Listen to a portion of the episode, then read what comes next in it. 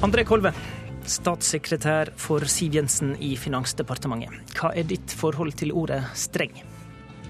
Ordet streng kan jo benyttes i mange sammenhenger, men hvis du spør rett og slett hva jeg legger i ordet streng, så tenker jeg umiddelbart på tydelighet. Det å håndheve noe man står for. F.eks. lover og regler. Jan Christian Kolstø, pressesjef for Venstres stortingsgruppe. Hva er dine følelser for ordet streng? Jeg tenker jo kanskje først og fremst på asylpolitikken, men eh, begrepet streng er ikke det som nødvendigvis er eh, det som genererer de sterkeste følelsene i den debatten. Det er ikke det. Ikke positive følelser? Ikke nødvendigvis det, nei. Som dere forstår, så skal det handle da om innvandrings- og asylpolitikken i dag. Velkommen til Politisk frikvarter, den fortsatt relativt nye podkasten fra Politisk kvarter-redaksjonen, der vi søker å gå litt bak politikken med de aktørene du ikke hører så ofte.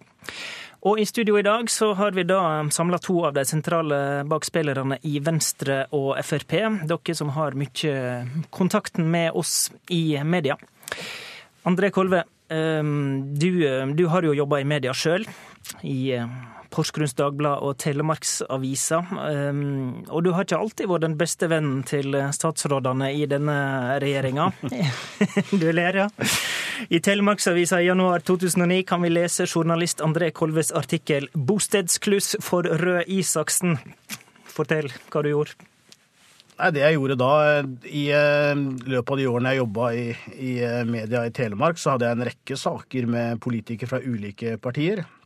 Det var bl.a. en SV-politiker som ble tatt for trygdesvindel. Det var en Frp-politiker som oppførte et ulovlig næringsbygg, hvilket medførte at jeg ble boikotta i nesten et helt år av den Frp-politikeren. Det er litt av en bakgrunn. Ja da, det var en Arbeiderpartipolitiker som måtte rive en ulovlig mur. Alt dette skrev jeg om. Men den historien du uh, sikter til, det er Torbjørn Røe Isaksen, som var uh, den gangen medlem av uh, Eller satt som representant i Porsgrunn bystyre. Eh, jeg fant ut at han eh, hadde bostedsadresse i Oslo, hvilket man ikke kunne ha når man satt i eh, bystyret i Porsgrunn, og lagde en sak på det.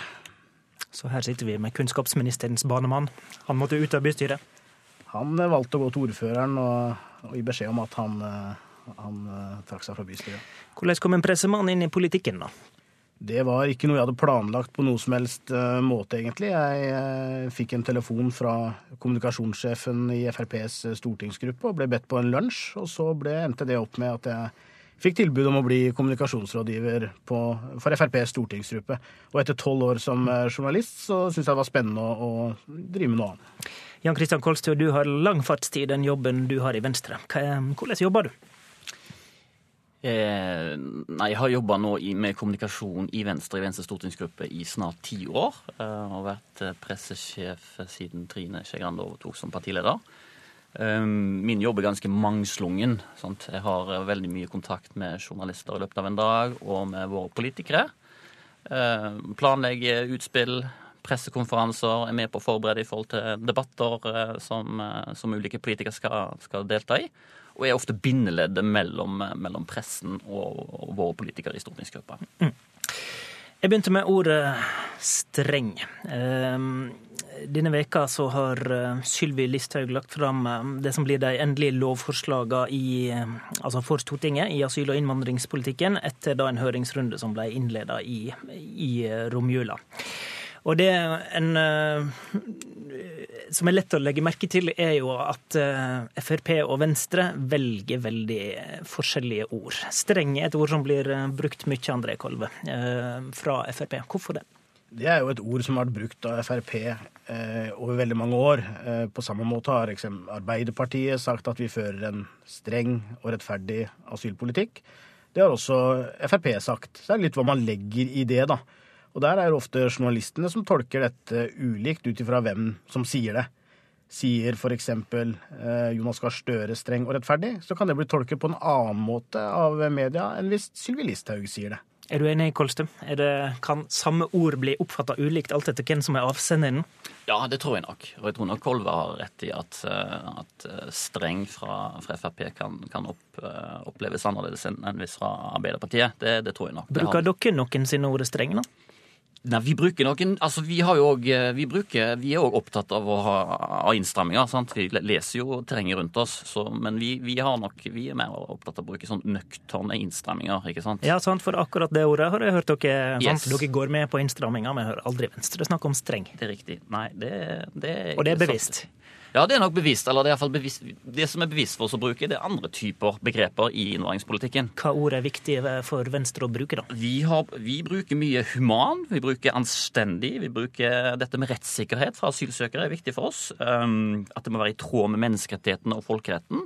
Vi snakker om mennesker på flukt istedenfor migranter eller, eller flyktningflom. Og vi snakker eh, ikke minst om barn på flukt, som er, som er, som er viktig for oss. Mm. For barn på flukt, det er ikke et begrep uh, Frp velger å bruke i disse debattene her, André Kolve? Vi har brukt det det faktisk er. Det er uh nå er det ikke alle som vet hva det er, men EMA eksempel, det er enslige mindreårige asylsøkere. Det bruker vi. Vi snakker jo om akkurat det samme som det Venstre snakker om, men vi bruker altså da noen andre ord for å vise tydelig hva dette er snakk om. Mm. Og han kunne jo, ja, For her bruker du en forkortelse, plutselig. Sant? EMA det er, noe, det er noe ganske Eh, en oppfatter da enn når eh, Jan Kristian snakka om barn, ikke sant Kåsse? Kosse? Ja da, nei, vi er, For oss er det viktig å snakke om individene, og at det er barn som er på flukt. ikke sant? Selv om det av og til ofte òg er, er, unge menn, så barn på flukt er et bevisst begrep. Ja, sant, men, ja, men nettopp det. sant, fordi at det er jo ofte når dere snakker om barn på flukt, så, og dere snakker om enslige mindreårige asylsøkere, så kan det være en 17,5 år gammel ung mann fra Afghanistan, det. Men det sier ikke Venstre. Nei, men det, det, kan være. Det er riktig. Men barn på flukt er et begrep som, som, vi bruker for å få fokus på at dette faktisk er individer. De, de er ikke voksne. Og de skal heller ikke behandles som voksne, fordi barn, barn skal ha et særskilt vern, og det er vår måte å kommunisere, kommunisere det på. Kan jeg få lov til å si noe om EMA? Vær så god. Eh, jeg syns jo, eh, sant, eh, jeg synes jo altså Den offisielle betegnelsen, sant, enslige mindreårige asylbarn, er jo liksom den byråkratiske, nøytrale, nøytrale betegnelsen på dette her. Asylsøker, ikke barn. Asylsøker, ja. ja asylsøker, unnskyld. Så får man litt sånne forkortelser som EMA. ikke sant? Det er, det er en dehumanisering av det, sånn som jeg ser det. ikke sant? Da tar du fokus vekk fra at det er snakk om individer, at det i mange tilfeller er snakk om barn. Men, men, da skaper det en avstand til det, sant? som jeg skjønner at mange har behov for. For oss er det viktig å snakke om at det er unge folk, barn på flukt. Mm. Har han rett i det, Kolve? Da er vi litt tilbake med ord. ikke sant? Mindreårig eller barn. Hva er sterkest å si? Mm. Eh, sier du mindreårig, så tenker du nødvendigvis ikke på en veldig lite barn. Sier du barn, så vil folk oppfatte det som en veldig ung, veldig ung person. Kanskje en fireåring. En eh, fireåring er også en mindreårig. Det som har skjedd eh, ganske umiddelbart denne veka, etter at Sylvi Listhaug la fram sine ting, er jo at eh, Venstre var veldig avvisende i sin retorikk, Kolstø. Eh, den formuleringa fra Trine Skei Grande som gikk igjen det første døgnet, var at denne politikken fra regjeringa er sitat, et knefall for FrPs innvandringspolitikk. Hva slags resonnement ligger bak at dere velger å repetere det begrepet mange ganger? For det gikk igjen i mange sendinger. Nei, dette var jo, altså Bakgrunnen for dette var jo først de høringsforslagene som Sylvi Listhaug presenterte i, eh, i romjulen. ikke sant? Eh, mm. Som ikke var nødvendigvis regjeringens politikk, men det var forslag som skulle på høring. Disse ble jo utsatt for en massiv slakt av, eh, av, av høringsinstansene, og ikke minst av regjeringens egne faglige høringsinstanser, og fra opposisjonen. Så vi hadde jo en forventning om at dette ville bli endra når regjeringen fremma sine egne forslag. Eh, og vi hadde nok en forventning om at Høyre måtte ta litt grep Vi vet jo hva Frp sin asylpolitikk er, og jeg syns det er helt fair at de på en måte argumenterer for den. Men vi hadde nok en forventning om at Høyre skulle ta noen grep her og vise seg som et, eh, et mer humanitært og anstendig parti. Men er det en reell forventning, eller spiller dere overraska? Nei, dette var en reell forventning. Det var, det var, et, eh, det var et, ordentlig sinn i Venstres gruppe når, når vi fikk vite hva, hva det endelige resultatet var. Skal vi tro på det, Kolve? Eller tror du på det? Ja, Det er jo ganske logisk, dette her. Eh, Sylvi Listhaug har jo sagt at eh, forslagene er ikke vesentlig forskjellige eh, fra det som kom fram i romjula. og da, Vi så jo Venstres reaksjon da. Mm. Ville de nå sagt at de var veldig fornøyd med dette, så hadde vi jo kanskje blitt mer overraska i denne runden, sant, eh, som begynte eh, kan vi si da, i romjula med framleggingene til høringsforslaget, så, og så kom det eh, endelig lovforslag nå denne veka. I mellomtida der, i februar, så gikk jo dere ut og avviste alt. Alle disse såkalte 40 forslagene fra Listhaug, selv om de ikke var lagt fram. Eh, for Stortinget. Og det, det var jo et uh, uvanlig grep, må vi vel kunne si.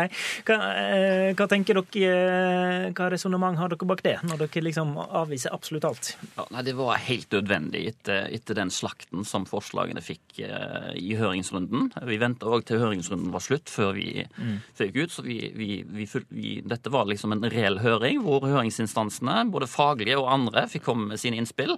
Mm. Det... Men dere er jo ikke egentlig uenig i alle 40 eh, punkter. Nei, men det var liksom opplest og vedtatt, og det var et, et grep som Frp hadde lykkes med. Eh, og så at Vi har fremma nå 40 innstrammingsforslag. Det er enten så, så, stemmer du for de, og da er du for en restriktiv politikk. Går du imot de, så er du på en måte åpne grenser som er alternativet. Eh, så det var et krevende sånn kommunikativt landskap å være i. Og så må jeg få lov å ta, ta Kolstad litt i forsvar også, fordi Hvis de ikke hadde reagert Nå spør du dere gikk ut tidlig og reagerte. Hvis de ikke hadde reagert på dette, da ville dere jo laga en sak med Venstre som var helt motsatt. At, ja. de, at de hyllet FrPs innvandringspolitikk eller at de ikke ville kommentere det. Og det ville jo sett veldig merkelig ut for Venstre, som skal snakke til sine velgere. Er det er det, det dere var redd for? Nei, altså det var vi nok ikke. For det, jeg tror nok våre velgere oppfatter oss til å ha en annerledes asylpolitikk uansett. Men vi var oppriktig opprørt over det som ble, ble fremma. Ja, men sånn kommunikativt så, var, så har André rett. At det måtte være krystallklart. Det Måtte være krystallklart, det er helt riktig. Men så tilbød vi òg et alternativ. ikke sant? Vi sa ikke bare nei vi kommer med våre egne forslag, altså en alternativ innstrammingspakke. For jeg mener vi, vi må jo ha løsninger på dette her. Det mener jeg enhver politiker er forpliktet til å ha. Du, vi skal bytte emne. Landsmøtesesongen starter denne helga. Høyre og Miljøpartiet De Grønne er først ut. Eh, og vi kan jo også nevne at Venstre har sitt eh, neste helg, så du er i full gang med å tenke, regner jeg med, Jan Kristian? Ja, det begynner å bli hektisk sammen nå. Eller jeg veit det, for å si det sånn, ja, det for vi har snakka en del om dette landsmøtet der både jeg og du skal. skal vi litt, ja. Sånn mediemessig, hva er viktig med et landsmøte? Altså Et landsmøte har, eh, det har to funksjoner. ikke sant? Det ene er at det, har, det er et politisk verksted. Sånn, så Det er jo partiets øverste organ som skal vedta eh, de overordna strategien for partiet og, og partiets politikk. Mm. Eh, mediemessig så er det jo en gyllen anledning for, for et parti å vise frem. Det er et utstillingsvindu. Mm. Fordi du har medias oppmerksomhet gjennom en hel helg, altså både før opp, oppseilingen til landsmøtet, under og etterpå. Mm. Eh, så det er muligheter til å vise seg frem, sette debatter, sette dagsorden. Men det må eh, forvaltes godt? Det må forvaltes godt, det er riktig. Sant? Så der legges det jo planer for å utnytte dette maksimalt. Og så er det partilederens tale, eh, Kolve, i, i norsk tradisjon da tidlig, tidlig i landsmøtehelga. Hvor viktig er den? Den er veldig viktig, og den er viktig både fordi medlemmene og ikke minst media har store forventninger knytta til det. Eh, kommer det noen helt nytt?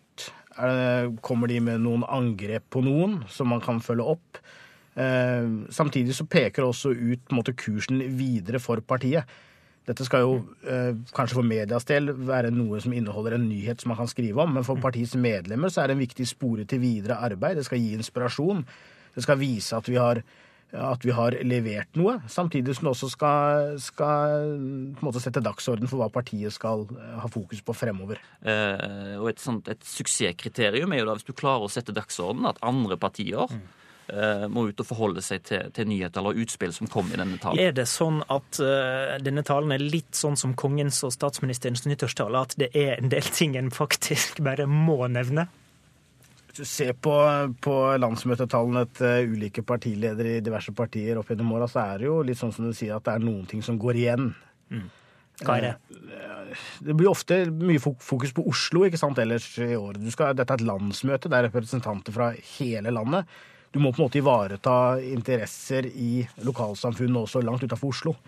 Så så det blir eh, på en måte et mye bredere spenn og vidde i en slik tale enn det du ser i andre sammenhenger. Ja, så kommer det gjerne mange anekdoter, sant? og de er ikke henta fra innafor ringtreet i, i en partileders tale, sant? Nei, det er klart hvis du skal nå kommer jo dette med ledighet og, og arbeids... Eh, eller oljepris sånt sikkert har fokus i noen landsmøtetaler, hva vet jeg. Mm. Men det er klart at hvis du skal bruke, bruke, et eksempel da, så kan du ikke fortelle om en fra Østfold som mista jobben i oljeindustrien. Da forteller du kanskje om at du på en eller annen reise så møtte du en som jobba, eller som hadde mista jobben, som bodde i Stavanger eksempelvis. Skal vi, skal vi spå Jan Kristian, at alle partiledertalene har med noen de har truffet på Vestlandet i år? Det er, det er, godt mulig at det kommer til å skje. Det er godt mulig. Er det, er det f.eks.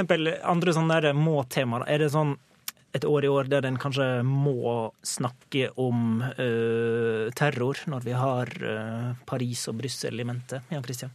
Ja, Det er nok noe av det som må adresseres. ikke sant? Det er fordi det har prega prega verden og norsk offentlighet uh, ganske mye, så det må nok adresseres på et vis. Og Samtidig så er det viktig sant, uh, at, man, at, en partiledertale inneholder det som er partiets kjernesaker. ikke sant? For oss er dette skole og miljø som, som det vil inneholde. Og, og, og ja, og nå, nå, sier jo Håvard på en måte litt av det som er ikke hemmelighet, men strategien bak det. ikke sant? Du jobber i media, du sier nå vil det inneholde noe om terror hva hvis vi da ikke hadde noe med terror? Mm. Da ville media laga et poeng ut av det. At til mm. tross for den situasjonen vi har sett med Brussel og Paris og alt dette her, mm. så sa ikke partilederen et eneste ord om det. Og så blir det gjort til et poeng, og så forsvinner mye annet. Så det er klart at vi gjør sånne vurderinger underveis. Mm. Hva må nærmest med mm. for å ikke bli gjort som et negativt poeng? Hva kan vi bli kritisert for å ja. ikke snakke om? Så har du snakket om ledighet og snakka om trusler. Ikke sant? ja, jeg har gitt dere lista nå, da. Det er bare å gå og skrive. Ja.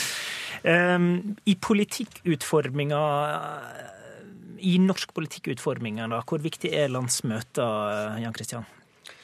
Jo, de er viktige. Altså, de kan jo endre norsk politikk. Sant? Det er nok derfor det er litt eh, såpass stor interesse rundt de òg. Fordi vedtak på norske landsmøter kan, eh, kan, endre norsk politikk. Og det har vi sett flere eksempler på. Hva tenker du på? Vi kan ta for egen del altså dette, dette vedtaket, disse vedtakene som vi så i fjor høst, knytta til, til 10 000 fly, kvoteflyktninger. Kvoteflyktninger fra Syria. Ikke sant? Mm. Der, var jo, eh, der var det jo flere landsmøter som fatta vedtak om det. Eh, og det er liksom i etterkant sånt opplest og vedtatt at, eh, at den, som, eh, den, som, på en måte var først ute, og den som har æren og skylden for vedtaket om 10 000 kvoteflyktninger, det er Jonas Gahr Støre. Mm. Men den som var først ute med et sånt vedtak før rekken av de andre kom, det var jo, det var jo faktisk Venstre. Hva skjedde på Venstre-landsmøtet der? Nei, dette var jo ikke nødvendigvis en, en, dette var i form av en uttalelse da, sant, fra landsmøtet. Og det var ikke nødvendigvis en uttalelse som var innstilt, for det var nok en viss vegring til å tallfeste det så konkret. Ja. Det er, jo, det er jo ikke noe politikere er sånn veldig glad for å gjøre. ikke sant? Men det var, det var jo leder av Unge Venstre, Tord Hustveit, som, som er jo en usedvanlig skarp og oppegående og intelligent fyr. Um, som, eh, som, eh, klarte å lure på plass den uttalelsen. Eh, egentlig så skulle landsmøtet Ja, For han satte en resolusjon opp mot en annen? var ikke ja, det sånn? Ja, det var en resolusjon som lå der om de kasperske barnelovene. sant? Og Vi hadde oppvekst som tema litt den gangen òg, og Kasperg er en, en, person som står sterkt hos oss. Og Han gikk på talerstolen og sa Castberg, som den, en, og dette er en sånn stor helt i Venstre, ja. hadde han levd nå, så hadde han som den store humanitære mannen var, selvfølgelig tatt til orde for at vi skulle prioritere uttalelsen om 10 000 kvoteflyktninger. Og det ble det umulig å argumentere mot? Da var dette vakte stor åtgaum i landsmøtet, så da var den, den uttalelsen i realiteten prioritert og vedtatt. Var... Da må jeg selvfølgelig som Porsgrunnsmann legge til at Johan Castberg var fra Brevik i Porsgrunn kommune. Ikke sant? Da har vi hylla, hylla en historisk helt. Um, du hadde noen tanker, André Kolve, om, eh, om hva, hva skjer når det ikke er interessante nok politiske ting på landsmøtet. I fjor så huska vi, eh, husker vi ei viss T-skjorte. Ja, Per Sandberg eh, hadde på seg T-skjorte i likhet med mange andre på det landsmøtet, men han hadde en litt annen T-skjorte som media eh, hang seg opp i. Et anker der det sto 'Good Journey'. Ja. Mm. Eh, og det tror jeg også litt sånn av mangel på noe annet å skrive om. Eh, så blir det sånn at media henger seg opp i detaljer. Vi har sett nå den siste tida. Man har vært opptatt av hva slags sko Jonas Gahr Støre bruker i spørretimen. ja. Man har vært tidligere opptatt av hva slags kjole Siv Jensen går med. Og det tror jeg rett og slett eh, Da må vi gå litt i oss selv og tenke at da har vi rett og slett vært for dårlige på det politiske budskapet eh, når media eh, henger seg opp i sånne filleting. Vi takker for oss i Politisk frikvarter. Mine gjester i dag var André Kolve, statssekretær for Frp i Finansdepartementet, og Jan Christian Kolstø, pressesjef for Venstre på Stortinget. Du kan få Politisk frikvarter på to måter. Du går til iTunes eller lignende podkastprogram. Da søker du på Politisk frikvarter der. Eller du kan søke på Politisk kvarter og eh, abonnere på det. Da får du seks sendinger i veka, de daglige politiske kvarterene, pluss altså dette frikvarteret. Takk for i dag.